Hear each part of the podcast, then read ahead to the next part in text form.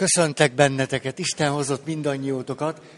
Nézzük akkor a témát, aminek még egy részét szeretném elmondani, vagyis arra gondolok, hogy eljutottunk ahhoz a sémához, és már több alkalmon át beszéltünk róla, hogy valaki saját magát alkalmatlannak nem csak hogy érzi, alkalmatlannak éli meg az életre.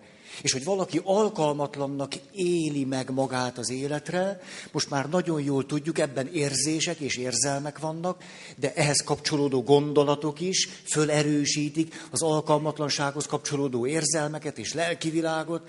Természetesen szelektíven összegyűjtjük az összes olyan emlékünket, és előtérbe helyezzük, amely igazolja és bizonyítja, hogy mennyire alkalmatlanok vagyunk kis dolgokra, nagy dolgokra, ebben a sémában akár a hétköznapi, egyszerű, természetes felnőtt életvitelnek a gyakorlására is, és ehhez természetesen aztán fizikai állapotok is társulnak, jaj, de gyönge vagyok, jaj, de beteg vagyok, jaj, de kicsi vagyok, jaj, jaj, jaj, és ezt mind érzem is, és aztán a testemben is megjelenik. És aztán, hogy ez ebben a sajátos összefüggésben milyen magától értetődően kapcsolódik a függőséghez. Mert hiszen ha alkalmatlan vagyok az élethez, akkor belét kell, hogy kapaszkodjak, és. És innen beszéltünk arról, hogy akkor a cselekvésmódunk, ha nem nőjük ki a sémának, ennek a hiedelemnek a belső világát, akkor háromféle lehet. Az első fajta az, amikor éppenséggel pontosan azt éljük meg, és úgy élünk, ahogyan ezt előbb mondtam, tehát mindig kérdezünk, mindig kérünk, mindig segítségért fordulunk a másikhoz, mindig átadjuk magunkat a bizonytalanságnak, és mindig igyekszünk valakitől valamit kapni, kérni, segítséghez jutni, döntsél helyettem, mondd meg, légy szíves, hogy kell csinálni, képtelen vagyok meglátni, hogy itt mi lenne a jó megoldás, légy szíves, esetleg csinált helyettem. Az lenne a legjobb. Akkor nem kéne ennyit beszélni, és akkor vonatozhatnék otthon. Tehát ez az első cselekvési forma, ami nem növi ki a sémát, hanem éppen, éppenséggel arra vonatkozik, tehát, hogy belemegyünk a séma logikájába. A második, hogy nem akarjuk átélni állandóan azt, amiről beszéltem, mert ez egy elég kényelmetlen állapot kényelmetlen így lenni, hogy, hogy állandóan szembesülni azzal, hogy nem megy, hogy nem vagyok rá alkalmas, nem vagyok rá kész, nem tudom, hogy kéne csinálni. Ezért aztán inkább lehatároljuk az életünknek a, a körét, a világát minél szűkebbre. Lehetőleg annyira szűkre, ahol még azt éljük meg, hogy ott odáig tart a készségünk, képességünk, tehetségünk, alkalmasságunk és kompetenciánk. Olyan szűken. Tehát akár ki se lépünk a lakásból. A lakáson belül jól megjelenik az a határ, ameddig, ameddig az életet tudjuk és képesek vagyunk vinni. Egy munkakörbe lehetőleg kicsi, kicsi, kicsi, kicsi, kicsi. Én szívesen kiviszem a szemetet. Ennyi, ennyi, ennyi, nem több, nem, nem, nem. Fogom, megfogom, kiviszem. Ez. És eszembe se jut, hogy esetleg elmenjek én, és szemetes zsákot vásároljak. Az már sok. Az sok. Tehát önkéntes, nagyon sajátos belső száműzetésbe vonulunk, és távol tartjuk magunkat minden újtól, minden lehetőségtől, mindentől, ami valamiféle új készségnek, képességnek, alkalmasságnak, adottságnak, erénynek a kimunkálásával együtt járna. Ezért aztán nagyon szűkös életet élünk. És aztán jön a Jön a harmadik, amikor pedig túl kompenzáljuk ezt a sémát, és akkor mi történik? Leülünk. Hát esetleg, ha van annyi lelki erőnk, akkor nagy képüsködhetünk is, de egy valami biztos. Belül szorongunk, de akkor se kérünk segítséget. Nincs az a pénz. Nem tudom, hogy kell csinálni, hát nem baj, nem baj. Már valahogy csak lesz. Én nem állok oda pironkodni a főnök elé, hogy nem tudom, hogy kell csinálni. Én biztos nem. Majd, majd szól akkor, szól, ha valami baj van. Én nem. Egészen odáig mehet, hogy hibát hibára halmozunk. Esetleg komoly dolgokban, reális helyzetekben nem megyünk oda kérdezni a munkatársunkat, aki tapasztaltabb, a főnökünket, aki a megbízást adja, azokat, akik adott esetben ránk vannak bízva, mert annyira őrizzük annak a belső hm, hm, látszatát, belső világát, hogy ne szembesüljünk azzal, hogy nem vagyunk alkalmasak. De ezt túlkompenzáljuk, és nem kérdezünk ott se, ahol kellene. Lehet, hogy van ilyen munkatársatok. Nem, nem kérdez, nem kérdezi meg. Csak utána óriási kalamajka, hatalmas zűrzavar, és a főnök oda, de miért nem kérdezted, Mártikám? Petikém, hát csak szólnod kellett volna, itt vagyok reggel héttől délután hatig. És persze, ha nem ismerjük ezt a sémát, nem értjük, hogy miért nem kérdez. De ha ismerjük, akkor tudjuk. Tehát ez lehet a túlkompenzálás. Ott sem kérek segítséget, ahol pedig reális lenne. És éppen az segíteni tovább az én életemet is. Jó, erről ennyit. Csik, csik, csik, csik, csik, egy csomó ismétlést most kihagyunk, és egy élményemet hagyosszam meg, mégpedig, hogy tulajdonképpen ennél a sémánál merül föl leginkább az, hogy mi a természetes kapcsolatainkban eléggé segítségére tudunk lenni egymásnak. Arra gondolok itt, hogy nem egyszer tulajdonképpen sokkal alkalmasabbak, készebbek vagyunk az életre, mint ahogyan azt, amikor találkozunk, egymásról föltételezzük. Ezért állandóan tanácsokat osztogatunk. Jól megmondjuk, kinek mit kéne csinálni. És akkor aztán büszkék is lehetünk, este sétálgatunk ott, és azt mondjuk, hogy tulajdonképpen ma legalább négy emberrel beszéltem. Egyrészt hihetetlenül jól esik, hogy kiöntötték a lelküket nekem. Hát vagyok valaki. Akárkinek ezt biztos nem mondták volna el. Nekem igen. Nekem egészségedre. Nekem vallanak az emberek. Úgy látszik, van bennem valami. Biztos valamit jól, jól éreznek. És tulajdonképpen, hogy visszagondolok a napomra, én mindegyiküknek az életét elrendeztem. Nem akarok nagyon nagy képüsködni, vagy túlzásokba esni, de most ha fölidézem, hogy ő azt mondta, hogy így van a férjével, én megmondtam, hogy mit kéne csinálnia. Annyira világos, hogy mit kéne csinálnia. Láttam egy kicsit, úgy, mint egy felhő elvonult volna az arca előtt, de, de majd megemészti. A lényeg, hogy tudja már most, miután velem beszélgetett, hogy mit kéne csinálni.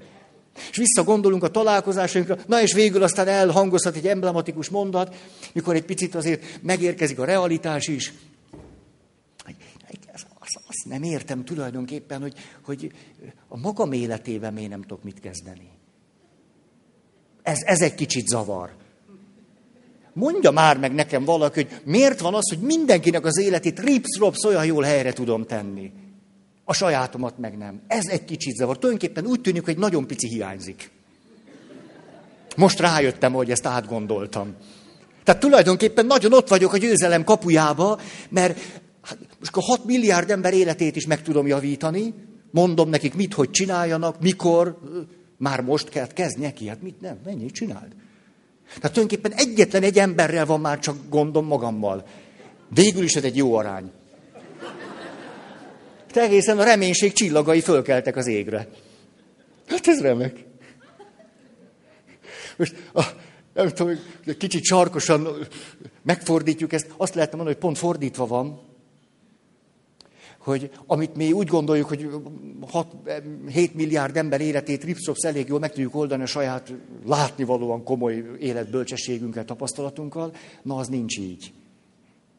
Lehet, hogy még a magunk életével kapcsolatban vagyunk a legkompetensebbek. Pont ottól azt gondoljuk, hogy... És most jön a, a történet, hogy mm, ügyetlenül fog ez hangozni, hogy történetesen egy Carl Rogers nevű bácsi hallatlan jól kidolgozta azt, hogy hogyan tűrtöztessük magunkat, és hogyan ne adjunk szíre szóra tanácsokat. Nagyon jól kidolgozta, érdemes őt egy picit megismerni, és hát többek között a mentálhigiénés képzésen ezt is tanítom. És a történet erre vonatkozik, hogy ez, amikor kezdődik a mentálhigiénés szakembereknek a képzése, akkor az első előadás az, amit én tartok. A legelső. Tehát ott ülnek, és akkor találkoznak azzal a gondolattal, hogy hát, tulajdonképpen van itt egy készség, fejlesztő szeminárium, ennek van elmélete is. És az egyik legfontosabb gondolat, hogy ne adjunk tanácsot. És ez egy hosszú előadás, majdnem három órás, tehát van közte egy szünet. Na, lement az előadás, utána beültünk a csoportba, és rákérdeztem, hogy kinek mi maradt meg ebből az előadásból, aminek mondjuk most egyszerűen a fő mondani valója, hogy nem kell mindenkinek tanácsot adni, lehet, hogy más valami nagyobb segítség lesz. És akkor sokkal inkább ki tudja dolgozni, alkalmazni tudja a saját képességeit, adottságait. Hogy minden ember a saját életének szakértője. Nem én vagyok az ő életének szakértője, a saját életének szakértője. És akkor az egyik asszony elkezdett sírni, és azt mondja, én annyira megrendültem ettől, hogy ne adjunk tanácsot, hogy ott a szünetbe fölhívtam a férjemet, és zokogtam neki, hogy én ezt nem fogom tudni megtanulni. Hogy én nem gondoltam, hogy ez egy ilyen rettenetes képzés, ahol egy ilyen brutális készséget kell kifejleszteni magunkban, hogy nem mondjuk meg a másiknak, hogy mit csináljon. Ennél elviselhetetlenebbet el sem bírok képzelni. És tulajdonképpen egy éven keresztül harcolt a belső önmagával, aki pedig egész élete során annyira jól kidolgozta, hogy meg kell mondani a másiknak, hogy ő mit csináljon.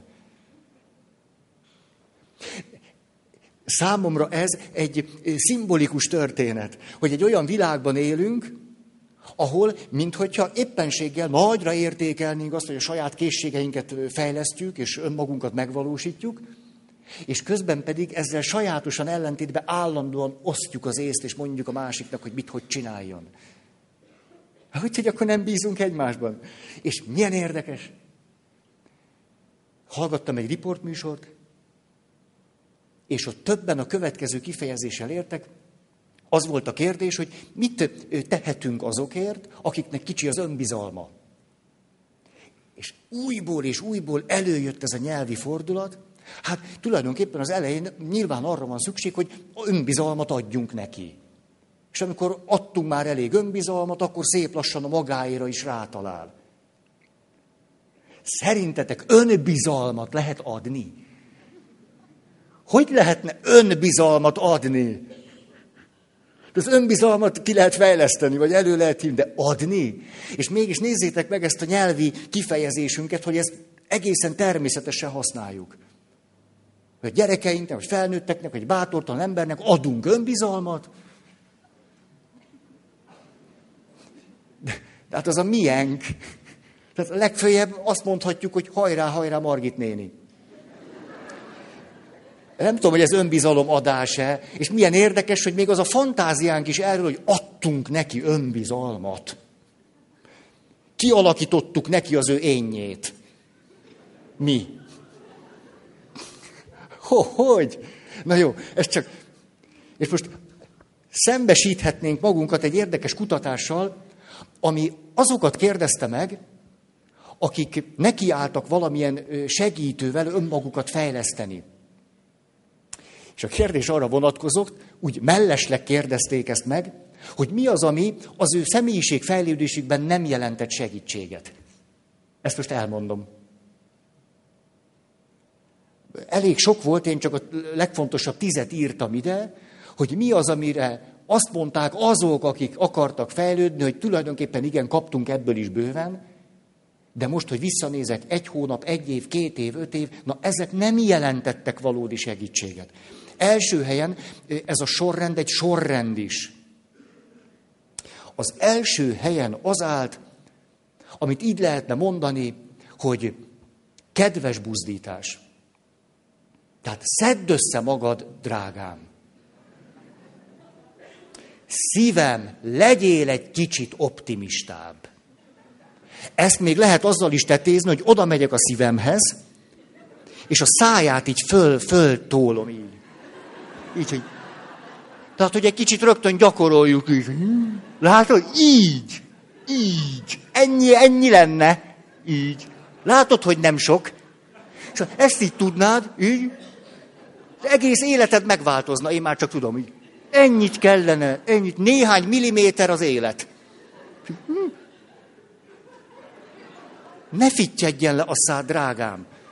Hát most mondom, hogy mit kell csinálni. Ennyi az egész. Ki, föl, smiley, de édes vagy, így szeretlek. Na, maradj így, így szeretlek, maradj így, maradj így. Látod, milyen egyszerű? És ennek aztán rengeteg verziója. Ezt kedvesen csináljuk, tele érzésekkel. Ez az, ami végképpen nem segít. Rendben van. Nem szeretnék ebbe elveszni, mert elkezdtek jönni az élményeim. Második, láss csodát, amikor valaki semmi más nem tesz, csak okos könyveket olvas. Hú, ez kiábrándító. Mindjárt megjelenik a következő. Tehát akkor adok hozzá használati utasítást. Egyáltalán nem érdemes megvenni, ha csak annyit akarsz csinálni, hogy olvasol. Az akkor egy passzió lesz, egy időtöltés. Nem visz hosszú távon előre. Ha csak annyi, hogy ha, érdekes. A Szentírásban de így fogalmazódik ez meg, hogy vannak, akik hallgatják valamiképpen mondjuk Jézus szavát, vagy a kinyilatkoztatást, vagy Istennek valamiféle üzenetét, és hogy elkezdik azt valósítani, azt szerint élni, na igen, ott aztán kikerekedik egy élet. És akkor így mondja a Szentíró, ehhez szerintem teli találat, vannak, akik ugyan ezen igazságokkal, szavakkal más se tesznek, csak a fülüket csiklandoztatják. Zseniális. Tehát ha csak olvasunk, akkor a szemünket csiklandoztatjuk. Hú, ez érdekes, hú, miket nem írt, hú, ez jó. És semmi egy kicsit se lesz jobb.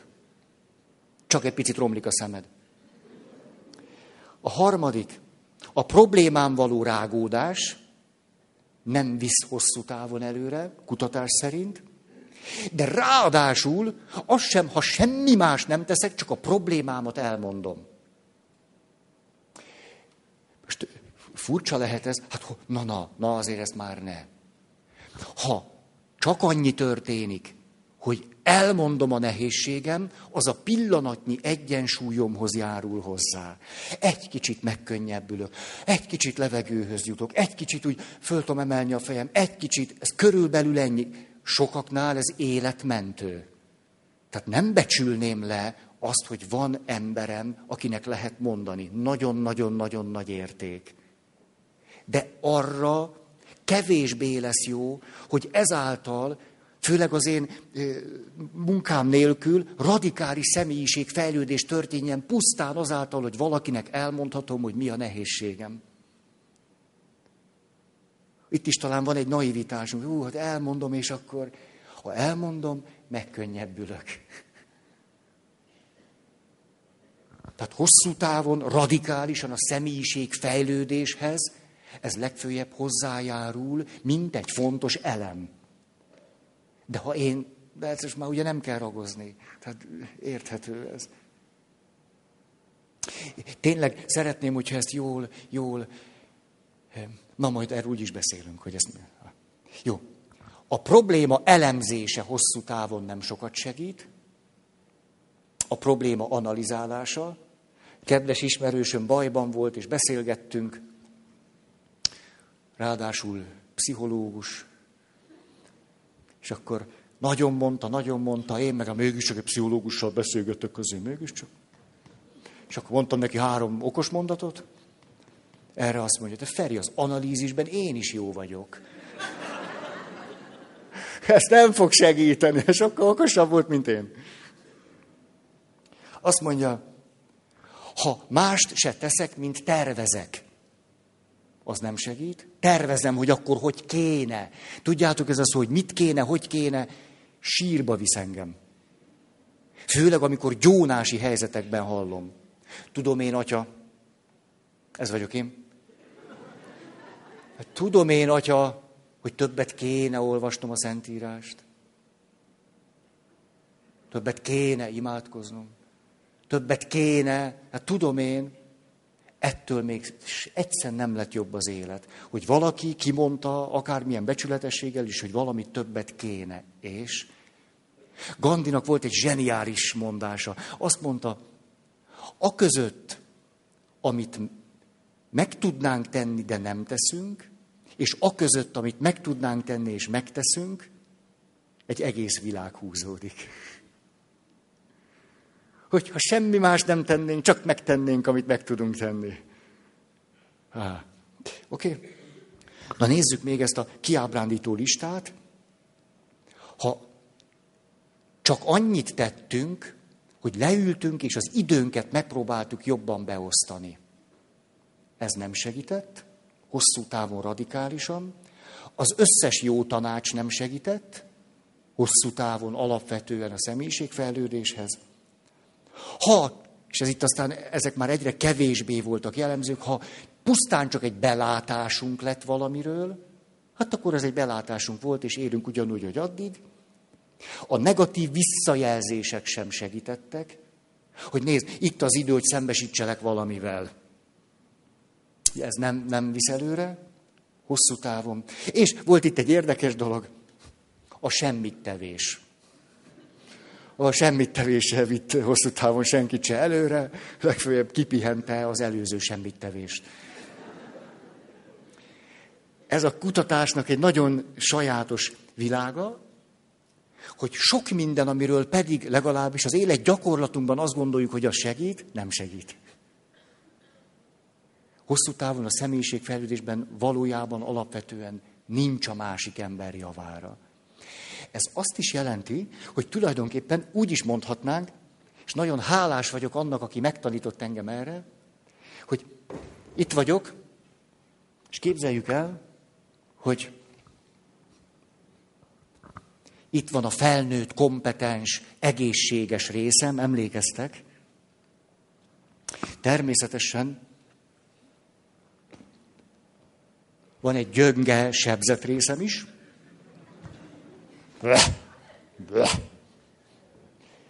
Igen ám, de van még itt egy részem, amiről érdemes tudni. Éppenséggel ide is vehetjük, de jobb talán, hogyha külön megnevezzük, a belső szakértő. A belső szakember. Tele jó gondolatokkal, jó ötletekkel, nagyszerű megoldásokkal. A belső szakértő. Ezért aztán azt is mondhatjuk, hogy tényleg mindannyian a saját életünk szakértői, szakemberei vagyunk. Hogy nálunk senki jobban nem látja át az életünk összefüggéseit, bonyolultságát, árnyaltságát. Senki rólunk több történetet nem tud, mint mi. Van egy belső szakértőnk. És nagyon nagy dolog, hogy amikor akár a hétköznapi természetes kapcsolatainkban vagyunk, akkor a másikra úgy nézünk, hogy neki is van ilyenje, nem csak nekünk. Ezért, ezért nem szorul rá a mi okosságunkra vagy tanácsunkra, hanem a legjobb, amit tehetünk, hogy megszólítjuk az ő belső szakértőjét. Mondja meg ő neki. És az esetek nagy többségében mindannyiunkban ez a belső szakértő jó dolgokat tud mondani. Olyat, amit meg is tudunk tenni. Tehát nem csak okoskodik, mert akkor nem volna jó szakértő. Ezért mondhatnánk azt, ez egy egyszerű modell, csak szeretném, ha, ha bele pillantanátok ebbe a világba, hogy egészségedre, hogy a legtöbb találkozásunkban, beszélgetésünkben, ha segíteni akarjuk a másik ember személyiség fejlődését, tulajdonképpen, tulajdonképpen elég, hogy őt meghallgatjuk. Ha! Látszólagos ellentmondás a másik témával, ugye? Azt oh, oh, csak a meghallgatás, csak az elmondás nem segített. De egy értő meghallgatás az nagyon sokat tud segíteni. Egy értő odafigyelés. Ami azzal a meggyőződéssel, tekintettel együtt történik, adott esetben azzal a néhány mondattal, néhány gondolattal, néhány egészen egyszerű visszajelzéssel, tükrözéssel, hogy tudom, hogy ő neki van belső szakértője. Bőven rá lehet bízni. Nem mindegy, hogy egyszerűen csak hallgatom, hogy valaki beszél, És nem mindegy, hogy csak annyi történt, hogy valakinek el tudtam mondani, hogy mi van. Vagy egy olyan valakivel beszélgetek, aki végig azzal a bizalommal van velem, hogy tudja, hogy nekem van egy ilyenem. Tudja, tudja, és úgy is néz rám. És mikor elcsábulok, és azt mondom, hogy na, most már igazán mondhatnád, hogy szerintem mi kéne, hogy te, nem tudom, inkább mond tovább. Szóval az első, hogy éppenséggel egy nagyon értő meghallgatás, amiben van egy bizalmunk és meggyőződésünk, hogy másik, akivel beszélgetünk, rendelkezik kompetens felnőtt résszel, és egy belső szakértővel, az nagy segítség lehet. Aztán a második, sokszor semmi más nem kell tennünk, mint hogy valakinek valami értékére fölhívjuk a figyelmet.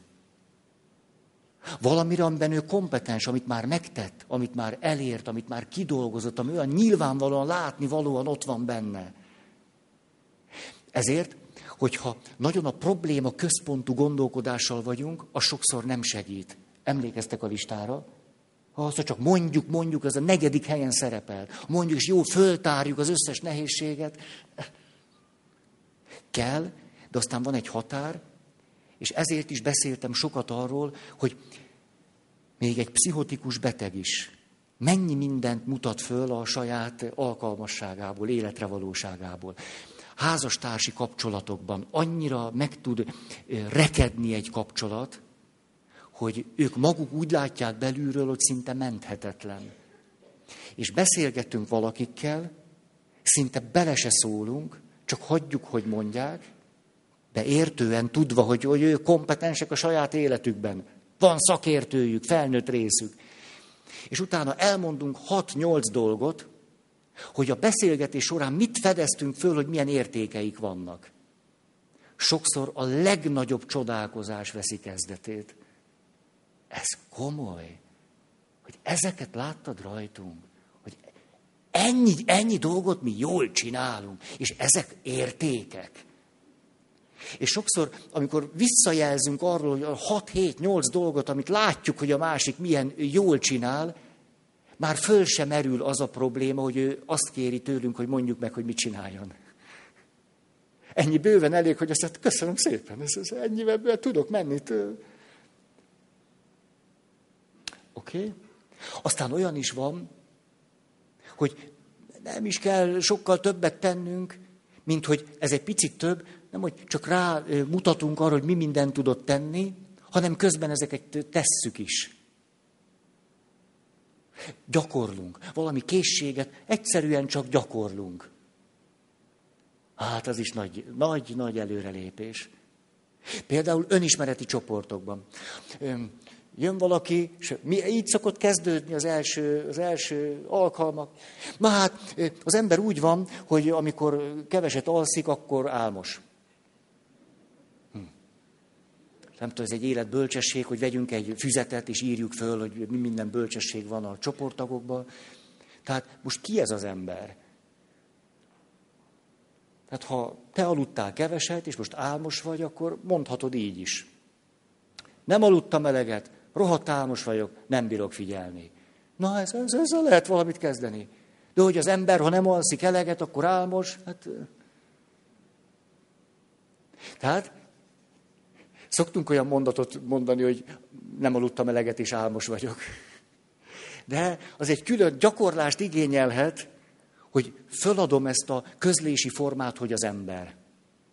Néha persze van így, hogy az ember, de te, vagy én, vagy mi, vagy kik. Például házastársaknál mi a nehézség? Az a nehézségünk,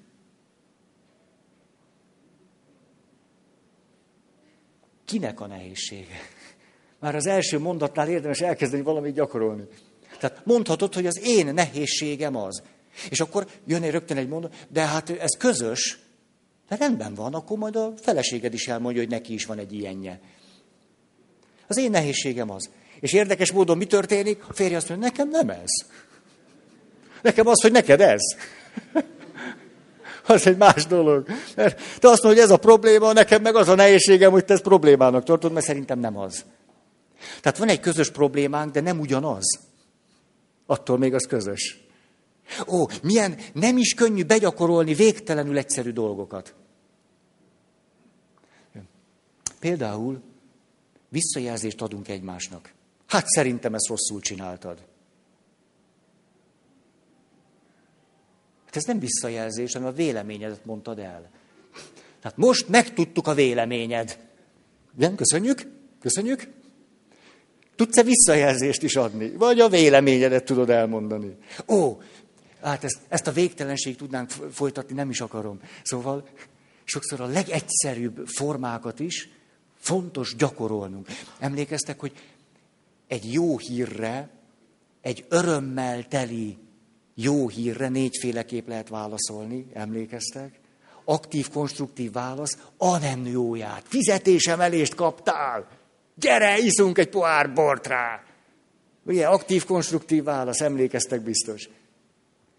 Kutatók hozzátették, az esetek többségében egy jó hírre, valakinek az öröm kifejezésére, vagy pozitív érzelem megnyilatkozására az aktív, konstruktív válaszadás nem természetes. Begyakorlatlan. A legtöbben egyszerűen neki kell állni, hogy megtanulják. Egyszerűen be kell gyakorolni. Gyakorolni kell és gyakorolni. Hát annyira emlékszem, na most aztán mindjárt, ajhaj. Jó, olyan is van, hogy egy új készséget tanulunk meg. Az még egy lépés. Nem csináltuk eddig, most elkezdjük.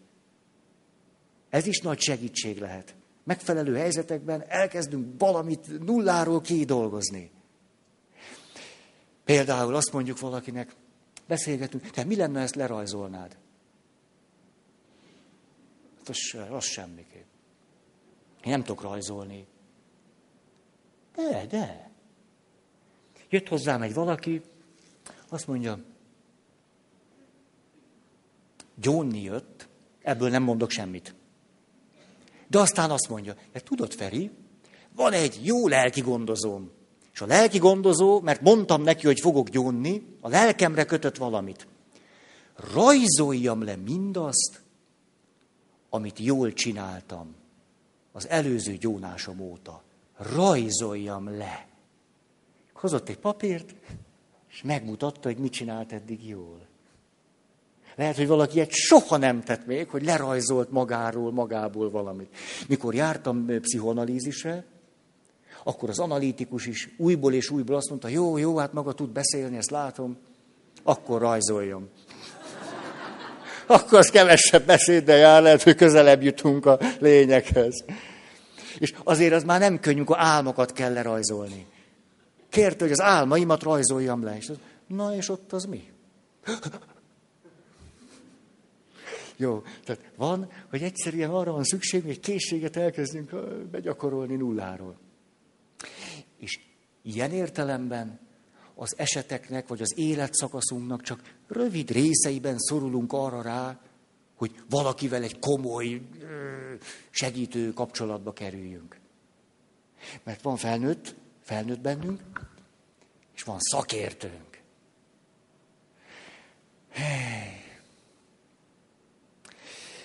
Most mondok egy még nehezebbet.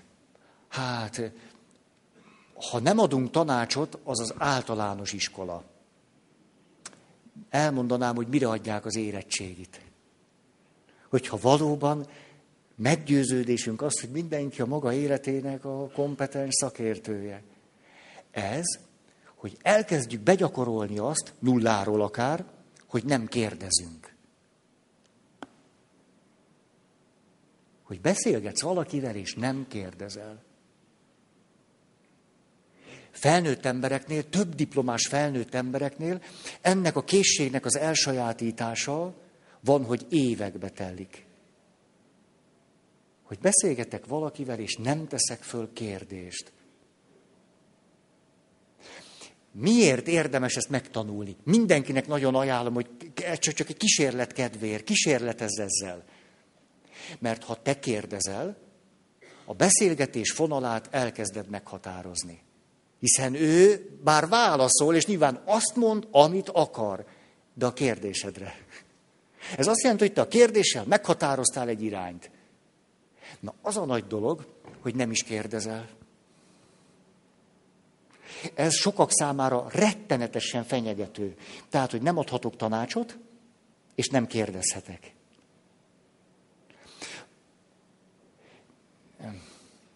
Van, aki annyira szorong ettől, hogy egy egész életen keresztül nem tudja elsajátítani. Hogy nem ad tanácsot, és nem kérdez. Miért akartam elmondani egy picit a segítő helyzet felől, a természetes kapcsolatainkra vonatkozóan ezt a néhány gondolatot? Azért, mert ha ezt másokkal elkezdjük gyakorolni, kidolgozzuk a sajátunkét is.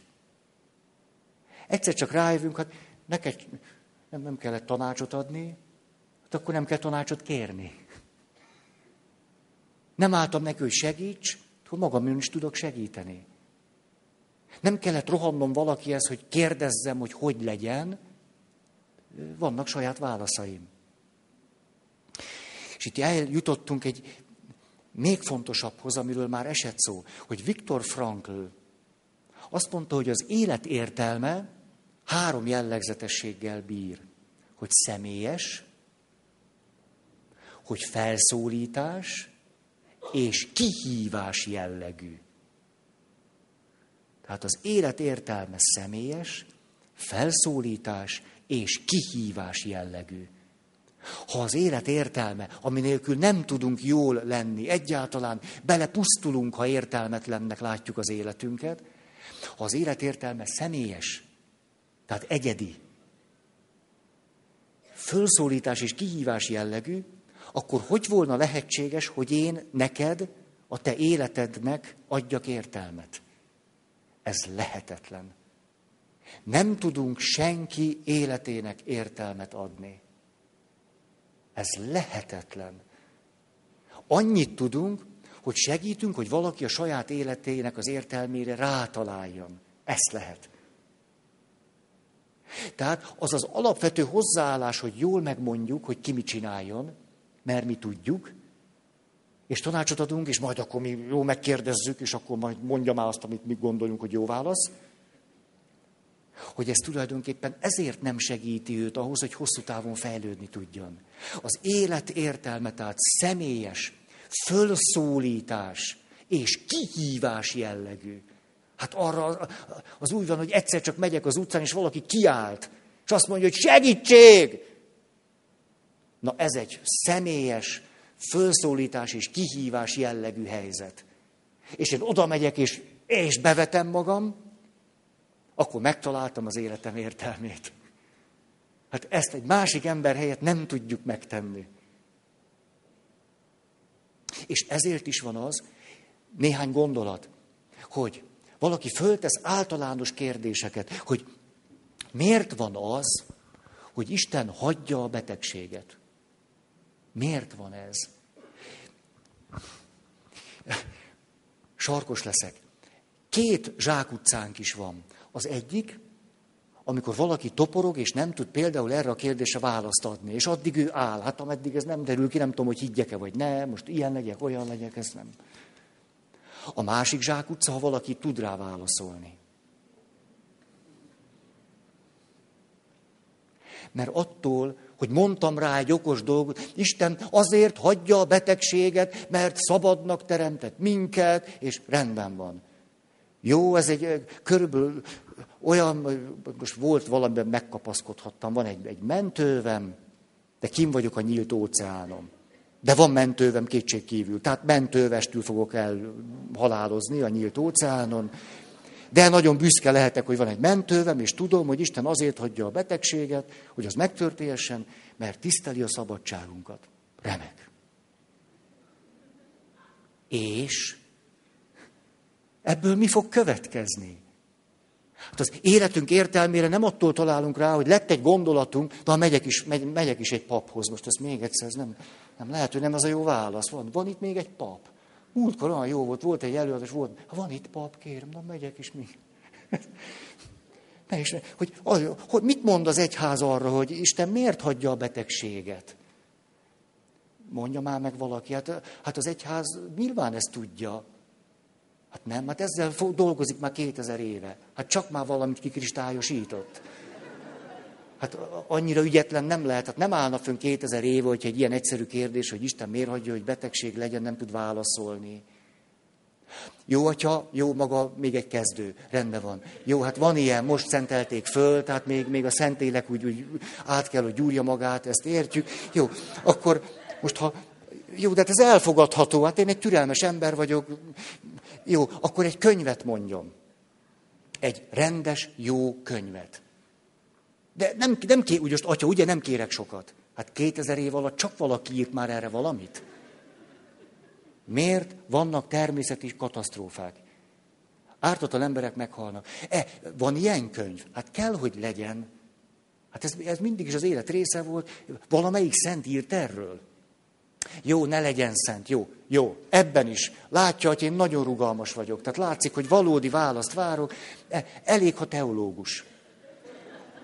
Legyen okos, mit bánom én. Jó. Egészség. Ez egy jó válasz. Miért mondom ezt? Már biztos tudjátok, ki se kell mondani. Mert adhatok akármilyen választ erre a kérdés, hogy ez miért van, és Isten miért hagyja, vagy miért engedi. A legnehezebb kérdésekre most adok valami választ. Ezzel akkor érek bármit is, hogyha abban számomra fölismerésszerűen az én személyemre vonatkozóan valami olyanra tudok rátalálni, ami fölszólítás, kihívás jellegű. Tehát ez azt jelenti, aha, hogy azért, hogy ezzel, és akkor pont, pont, pont én nem, biztos, hogy nem fejezem be ezt a mondatot. És attól a pillanattól kezdve másképp vagyok beteg. Attól kezdve másképp viszonyulok a saját gyöngeségemhez. Attól kezdve a másik ember gyöngeség és más. Attól kezdve, hogyha látok valami nyomorúságot, ahhoz egy személyes, fölszólításra, kihívásra adott válaszként tudok viszonyulni. Ez a válasz. Nem az, hogy van egy mondatom, amit valaki leírt, és én azt mondom, na hát tulajdonképpen ez jó így. Igen, Isten azért hagyjam, az ember szabad. Tulajdonképpen annyira úgy elkeserít, mikor előjönnek az életnek, az élet értelmére vonatkozó igazán komoly kérdések, és nekiállunk Istent megvédeni. A legszerencsétlenebb fordulat ez, mikor úgy, úgy neki duráljuk magunkat, és azt mondjuk, na hát azért mi is okai vagyunk ám ezeknek a szenvedéseknek. Azért ám. Azért nem volna ennyi, jó lenne, de most ezt hagyjuk, az a kisebbik rész. Azért nézzen mindenki magába, hogy ő hogy járul hozzá. Na hát ettől most el, elkezdett a szőröm így befele nőni. Szóval az élet legfontosabb kérdéseire, például, hogy mi az életem értelme, milyen nagy különbség? Mi az élet értelme? Hát erre akármennyi választ adsz, neked van hét válaszod van? Mennyi? 42. Igen, igen, ezt... Igen, a stopposok tudják, hogy hogy van. Szóval, látjátok, most két felől is megnéztük. Az egyik, hogy mi az élet értelme, miért van ez így vagy úgy, ha személyes kihívás, fölszólítás jellegű választ találunk, az rendben van. De akkor arra is rájövünk, hogy nem érdemes úgy kérdezni, hogy mi az élet értelme. Hanem a kérdés így hangzik, mi az én életem értelme? Az én életemnek mi az egész konkrétan, nyilvánvalóan itt és most való értelme, ami biztos, hogy van, és hol találom meg? Nem az, hogy kinél van, hogy én hol találom meg. Tehát az e, ezek az elvont kérdések, és aztán az elvont válaszok, annyit érnek, amennyit a kérdés. Pont arra adnak választ. Mint a fuldoklónak a mentő. Az lehet, hogy jó, van van be kapaszkodni, tovább tudunk menni. Egy kicsit még tudunk tempózni, nem olyan fárasztó. Ezért az élet legfontosabb kérdéseire nem szavakban, hanem tettekben tudunk választ adni. Miért van szenvedés? Ugye ez a lehetetlen kérdés. Miért van a világon szenvedés? Ennek a személyes felszólítás, kihívás jellegű verziója az, hogy az én személyes válaszom a szenvedéssel kapcsolatban, hogy ahol ilyesmivel találkozom, lehetőségeimhez, erőmhöz mérten igyekszem azt enyhíteni. Ez a válasz. Arra a kérdés, hogy miért van szenvedés a világon, ez a válasz. Az összes többi, amit kiokoskodunk, meg mondunk nagyokat, meg könyvtárnyi kötetek, legfőjebb kapaszkodó. Ezért is beszéltem arról, emlékeztek, csak két évvel ezelőtt, egy lépés lehet itt. Miért a nehézség? Akkor mehetek egyet a személyesség felé, kiért a nehézség? Miért van szenvedés? Hát honnan lehet azt tudni? Kiért lehet érdemes szenvednem? Na, azt már tudhatom. Szenvedéssel nem tudok mit kezdeni, de azt tudom, hogy téged szeretlek, és ha ez nehézségekkel jár, akkor azt vállalom. Ez a válaszom arra a kérdésre, hogy miért a szenvedés a Földön. Rendben van ez. Tehát személyes cselekvésben megvalósuló, mint egy kihívásra vagy felszólításra adott válasz lehet az élet legfontosabb kérdéseire az, amit teszünk. Az összes többi nem elegendő senkinek se. Hát, tartottam szombaton egy előadást. Kilenctől egyig. Én ilyet nem csak többet, tehát ez, ez egyszerűen elviselhetetlen. Ha már most elviselhetetlen, de mindegy, mindegy. Ez a, nem, nem gyógyulok ki ebből.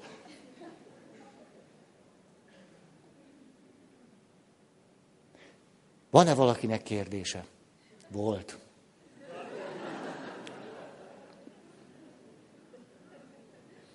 Az egyik kérdés így hangzott. Miután mindjárt itt a világ vége, mi lenne a tanácsom?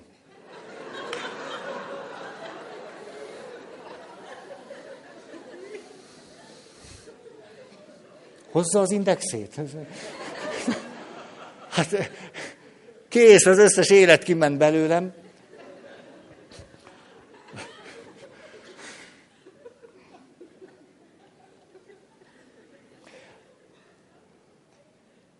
Másik kérdés így hangzott.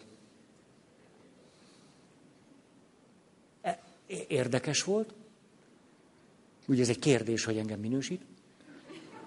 Érdekes volt? Azt nem értem, hogy miért van az, hogy Jézus azt mondja, hogy kérjetek és kaptok, keressetek és találtok, zörgessetek és ajtót nyitnak nektek, és hogy ez nem, nem így jön be.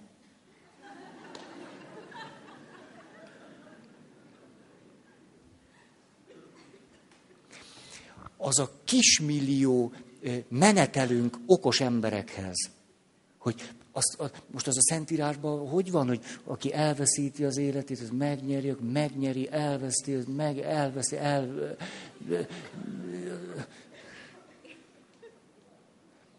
Ezek, amikor úgy megyünk, tudjátok, hogy mindig valami személyes kérdés előtt vannak. Ha valakinek az a kérdése, hogy hogy van az, hogy kértem, hogy karira, legyen olcsóbb, kötelező biztosításom. De nem figyeltem eléggé, és megemelte a biztosító.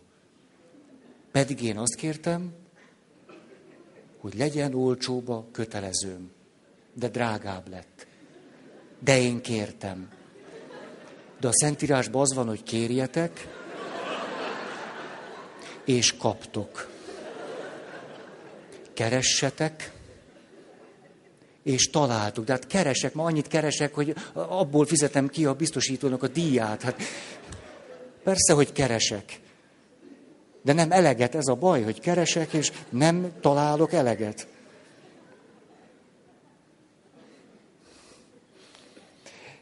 Egy ilyen kérdés mögött mi a személyes kérdés? Hogy lehet-e Istenben bízni, vagy nem? Ez egy személyes kérdés? Nem. Most én bízok-e Istenben, vagy nem? Hm. Ha bízok, miért bízok? Ha nem bízok, miért nem bízok? Ez egy rendes kérdés. De tíz évig lehet biblikusokhoz járni, hogy atya, most ilyen is van minden egyes előadás után, főleg, hogyha papként beszélek. Atya, van-e valakinek kérdése? Puf, már látszik is, hogy ez nem is egy kérdés, hanem egy magnószallag lejátszása. És úgy kezdi, igen, atya, hogy mindig megszoktam kérdezni az előadóktól, hogy mit válaszolnak arra, hogy kérjetek és kaptok.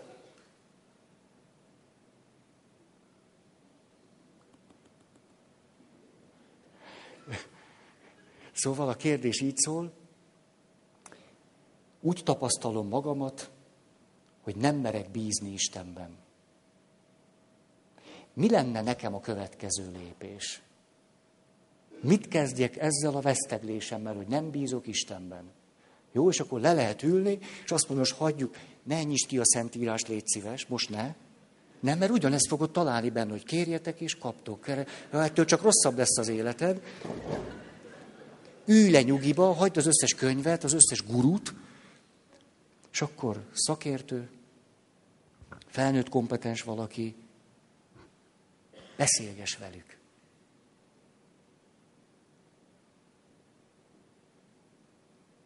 De nagy dolog, mikor ezeket az általános igazságra, életéltelmére, akármire vonatkozó kérdéseinket elkezdjük lebontani. Egészen odáig, hogy érezzük, hogy a kérdés elég személyes, van benne kihívás, és ráadásul nem csak kihívás van benne, hogy higa nem jóját, azért erre válaszolok, akkor annak következményei vannak, hanem már a kérdésnek van valamilyen felszólítás jellege. Annak a kérdésnek, hogy miért nem bízok Istenben?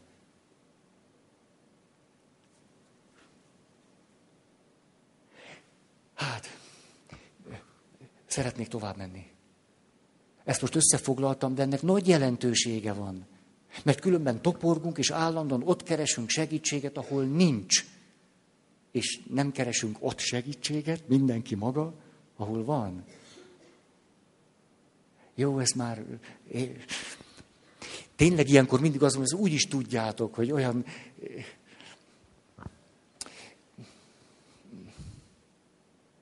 Közben szoktam küzdködni azzal, hogy, hogy, hogy ne az legyen, hogy úgy jól megmondom. Nem tudom, hogy így van-e, de ezzel küzdködöm, az biztos. Na. Akkor szeretnék néhány lépésben, az pont, lehet, hogy 20 perc alatt el tudom mondani. Hogy? Hogyan juthatunk el ehhez a felnőtt részünkhöz? Mert ez fölmerült kérdésként is. Hogy, hogy lehet akkor oda eljutni? Dolgozzunk ki egy utat. Az első lépés, hogy mit használok? Mítoszok, mesék. Mítoszok, mesék világa. Hát hiszen ott beavatás, felnőtté avatás, férfi útja, nő útja, nagyon jó ki van dolgozva ennek a kulturális lehetősége. Első, mindig valami kényelmesből kell elindulni. Ahhoz, hogy a felnőtt éremhez, szakértő éremhez közel tudjak kerülni, részemhez, és saját magam belső világához eljussak, valami kényelmest ott kell hagyni. Aki ahhoz a kényelmeshez ragaszkodik, sose lesz felnőtt. Egyszerűen nem lesz az és kész. Ott akkor mindig egy kicsit a mami a buksimat simogassa, egy, egy kicsit a talpamat. Hogyha ha semmi más nem teszünk, és akkor az a legkisebb fiú vette a tarisznyáját, titeket gyerekkorotokban nem foglalkoztatott? Elképzeltem, hogy van egy legkisebb fiú, veszi a tarisznyáját, és az édesanyja legnagyobb szeretettel rak bele néhány hamuba sült pogácsát. Majd világgá megy.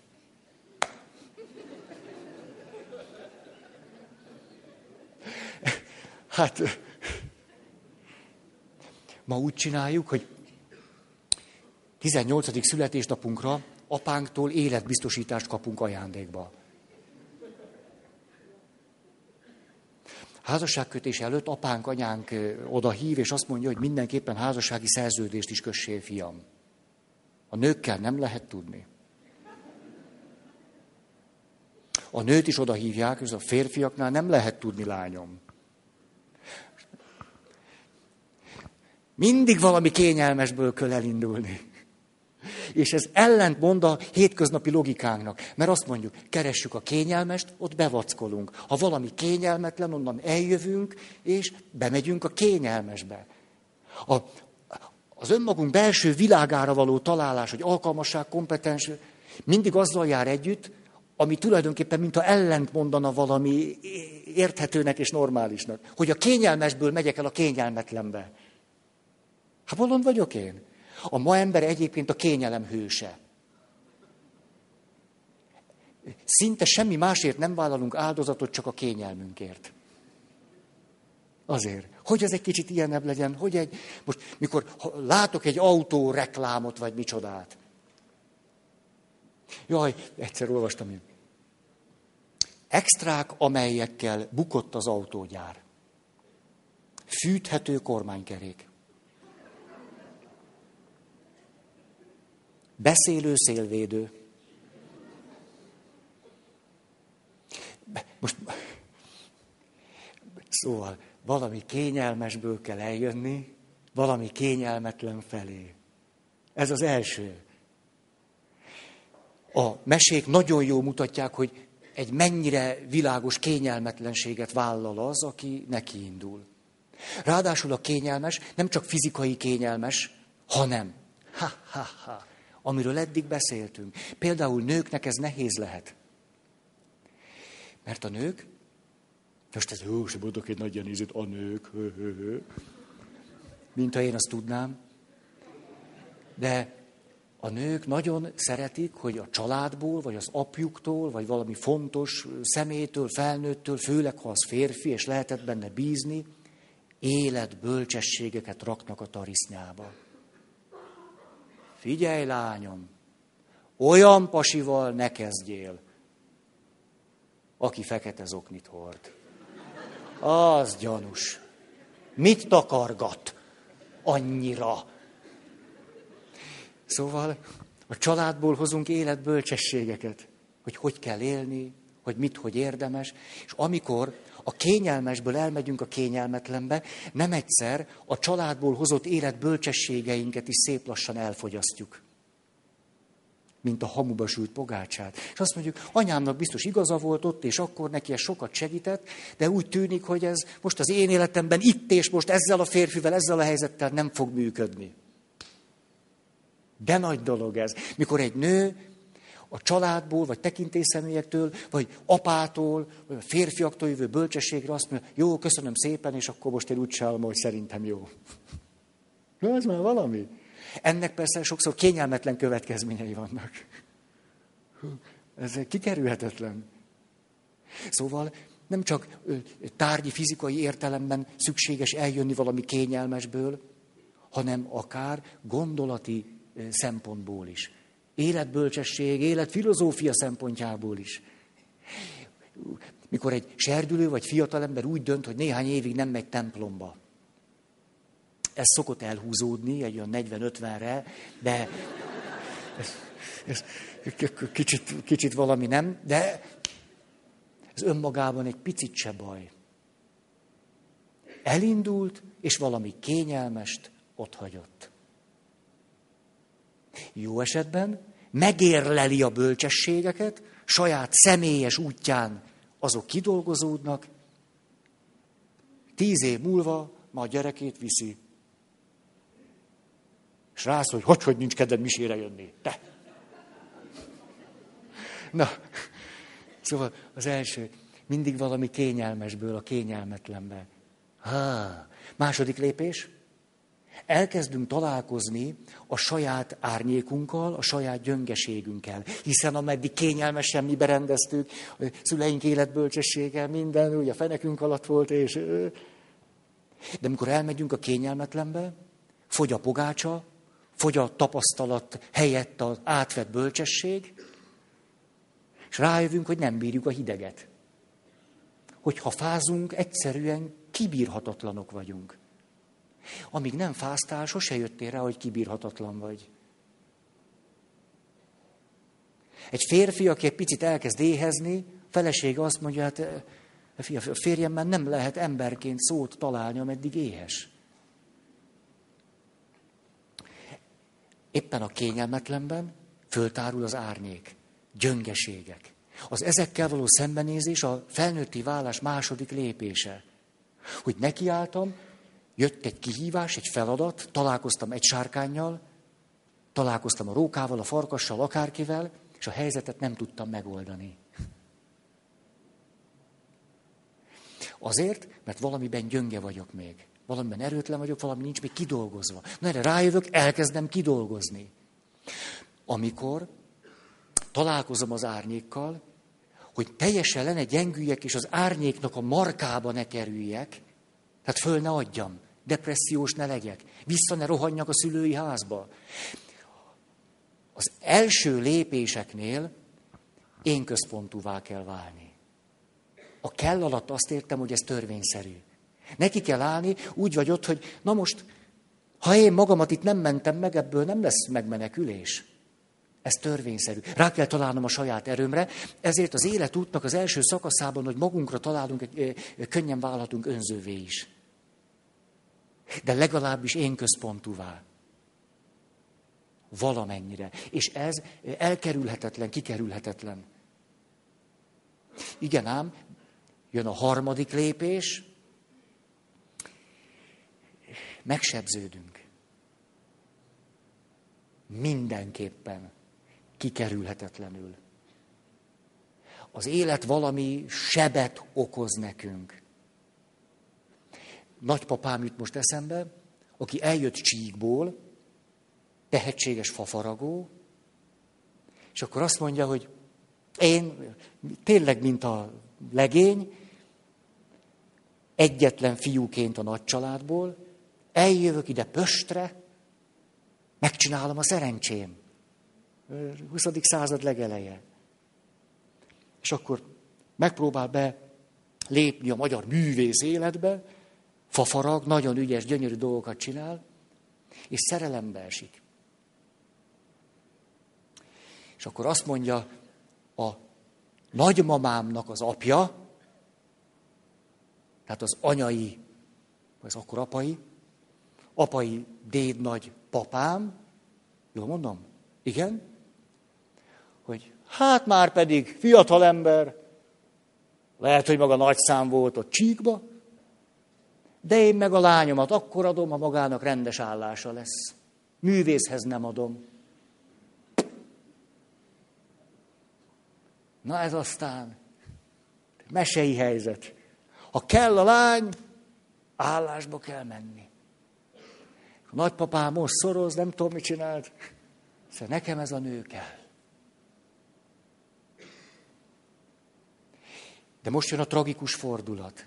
Rendben van, már ez is egy, ugye, hogy művész akar lenni, most, hogyha van feleség, elment egy szakiskolába fafaragást oktatni. Attól még lehetett volna művész, de már látjuk, hogy itt, itt valamivel már belül meg kell küzdeni. De most jön az életnek a sebe. A nagymamám néhány év házasság után vérmérgezésbe meghalt. Tehát a nagypapám azt mondta, ezért a nőért odadobom, amire elindultam csíkból, és utána amiért mindent ott hagyott, akiért, meghal.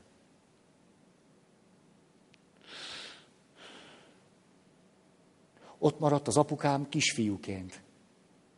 Mondjuk így félárván. Kisrác az apám. A nagypapám azt mondja, hát én egy, egy hát egy ilyen csíki, egyszerű ember vagyok, úgy, ezt tudom, jobbra-balra, ütöm, vágom. Déd nagypapám, két méteres favágó. hogy itt már nagypapám finomodott, szóval ő már csak... Csak azt mondja, hát akkor itt van ez a pici fiú, én, én nem, nem tudok anyja lenni. Akkor kell hozni a házhoz egy asszonyt. De az már nem szerelem. Hát nem szerelem. De az a, azt mondja a nagypapám, de hát itt ez a fiúcska, hát érte, kell egy asszony a házhoz. Hát nem tudok dolgozni is, tanítani is. Jön egy asszony, egyszer csak eltelik öt év. Hat év, és egy nővel él, akiben nem szerelmes, meghal a szerelme, és oda az, amiért neki indul csíkból. 31 éves. Ez az, amire azt mondhatjuk, hogy az élet senkit nem kimél meg. Senkit. Ilyesmi törvényszerűen bekövetkezik. Lehet, hogy itt sok is, lehet, hogy egy is elég, és, és, és, és.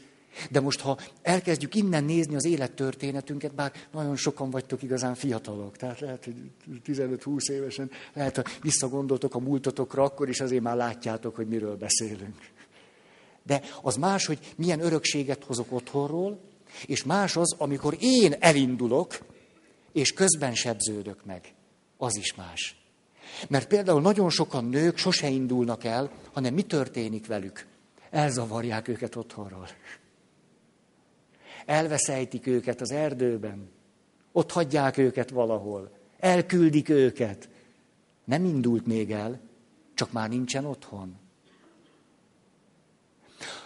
Sokan azt teszik, egyik kényelmesből gyorsan átülnek a másik kényelmesbe. Ezt, ezt szeretik. Tehát kész lakás, kész férfi. Nem indult még el. Szóval a harmadik lépés, amikor már nem csak az árnyékommal találkozom, hanem ahogyan ki akarom dolgozni azt a személyes felnőttöm magam, meg is sebződök. A sebződés azért is ö, súlyos és mondjuk kihívást jelent, mert általában nem csak arról van szó, hogy az élet kiszúrt velem. Valamennyire már én is benne vagyok, hiszen már az én döntéseim, az én felelősségem is ott van abban, ahogyan élek. Tehát már nem háríthatom át ezt úgy, mint ahogy tehettem gyerekkoromban. Vagy ha visszagondolok, hogy velem mi történt, onnan is jönnek sebek, de azt mondhatom, hogy na hát apám nem szeretett, ez látni való. Ennek ez a következménye. Anyám ezt nem adta meg, ennek ez a következménye. De ha vetted a tarisznyát, nekiálltál, találkoztál az árnyékoddal, kidolgozatlan részekkel, de közben folytattad tovább az utat, az élet megsebez. És nem úgy van ez, hogyha jól csináltad volna, nem. Ilyen nincs. Nincs. Nem ezen múlik. Nem úgy van, hogy a jók megúszszák, a rosszak meg, megkapják. Nem.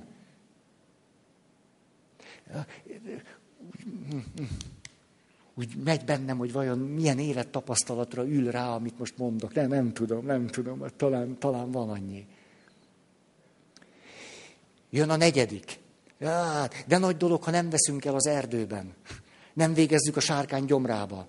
Fogjuk, szépen, vagy kiöklendez a sárkány bennünket, ugye az élet hoz egy, hoz egy fordulat, az lenyel a sárkány, és akkor addig vagyunk ott az emésztőbe, mi puh, egyszer csak kiköp minket. Ugye ez egy jó fordulat, hogy nem, sok tehetség, nem, nem, hát ott, ott egy kicsit megcsócsál minket a sárkány puf, kiköp, úr, nézzük, a nem jóját. Hát már nem vagyok az az ember, aki voltam. Jó megrágtak. Olyan is van, ha valaki hoz otthonról egy bicskát, kivágja magát a sárkány gyomjából. Ez azt jelenti, hogy nem csak az árnyékunkkal találkozunk, megsebződünk, és törvényszerűen valamilyen sötétbe jutunk. Sötétségbe. Az élet sötétségét legkésőbb az élet közepén, főleg az, aki nekiindult ennek az útnak, mindenképpen átéli, li, li. De van, aki megsebződik, mert szeretett volna gyereket, és nem fogom meg. Szeretne gyereket, és nem nemzőképes. Szeretne gyereket, de a gyerek nem születik meg csak. Csak később. Szeretne gyereket, de nem születik meg természetes úton. Szeretne gyereket, megszületik, és sérült. Szeretne gyereket, megszületik, és később derül ki, hogy valamilyen sebzettsége van. Az élet így is megsebezhet bennünket. Ezzel már most együtt kell élnem. Az én életem, az én gyerekem, az én fiam, az én lányom, hát nincs visszaút. Így elérkezünk a sötétbe. Ránk éjszakásodik. Nem esteledik, az úgy be, beborul, besötétedik, hogy... És tulajdonképpen az életünk, hogy felnőtt rész, szakértő rész, itt fordul meg. Mit teszel a sötétben, mit csinálsz a sebeddel? Mi a válaszod arra, ahogyan az élet megsebzett téged? Attól függetlenül, hogy jó voltál, rossz voltál, mi az erényed, mi a gyöngeséged, van-e bűnöd, vagy nincs. Mit teszel a sötétben, és mit teszel a sebeddel? Aki erre a két kérdésre, hogy mit teszek a sötétben, és mit teszek a sebemmel, valami személyes, kihívás, fölszólítás jellegű válaszig el tud érkezni, annak az életében fény gyúl. Fény. Valódi fény. Ez a fény nem kívülről jön, belülről. Mert az élet nehézségére adott egy személyes, belső kihívás, fölszólítás jellegű választ. A fény itt van benn. Mit szóltok ehhez? Megborsózott ettől a hátam most. Bent kigyúl a fény. Persze, olyankor már látod azt, hogy ennek a fénynek van valami köze az a nagy fényhez. Fölismered azért azt. De most ezt hagyjuk, mert még most ott tartunk, hogy itt van ez a belső fény. Ó, és mivel? Ez a belső fény. És akkor a belső fénynél átnézed az életed. Nem a külsőnél, ki milyen tanácsot ad, ki milyen okosságot hoz otthonról, a Szentírás mit mond.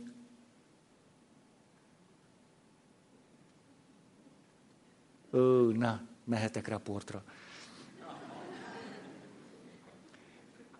Itt a belső fény, és elkezded vizsgálni az életed, azt mondod, emlékeztek, Rikéliász azt mondja, eddig azzal foglalkoztam, ami nem számít, azok helyett, akik számítanak. Ez a belső fény. Egy pillanatszerű megvilágosodás. A válasz erre a fölismerésre, hogy a belső fénynél körbenézem az életem, cselekvésben van. Ezt már most megértettük, ugye? Nem az, hogy arra gondolok most, hogy ez semmi, hát ez, ez, ez egy lufi. Szerintem így van, valószínű, hogy van Isten, hát jó, és most... Hát, tehát megvan a személy, fénynél nézed az életed, és már azt tudod mondani, most már tudom. Ez fontos, ez nem. Ez nem fontos. Ezért már nem élek, nem halok. Aztán tovább mész a fénynél, itt vagy azt, hogy ez fontos. És a fontosból azt mondod, ez fontos, ez lényeges. Lesz egy még kisebb kupacod. Ott egy-két dolog van csak, ez, ez a lényeges. De ezt a külső fénynél nem tudod megtenni. A külső fény nem világítja meg azt, hogy mi fontos, mi lényeges és mi nem. Az a belső fényből jön. És a belső fénynél ezt pontosan meg tudod mondani. Mert lehetséges, hogy nekem az fontos, neked lényeges. Nekem lényeges, neked csak fontos. Az lehet. Hogy nekem erre kell menni, neked meg arra. És hálát adunk azért, hogy az életünk egy ideig együtt ment. Itt most nem férjről meg feleségről beszélek, emberek. Na, a belső fénynél megvizsgáljuk az életünket, és megnézzük, hogy mit jobbra, mit balra, előre, hátra, és hogyan. Hí. Következő lépés, oh, oh, uh, hogy megyek haza. Nem, nem is az a következő lépés, mert megyek, beülök az autóba, és megyek Erdélybe. Tényleg így van, megyek Erdélybe, reggel már Marosvásárhelyt leszek. akkor nem is mondom el a következő lépést. Folytassuk akkor jövő héten. Folytassuk. Bőven elég ennyi. Hát hú. Köszönöm a figyelmet!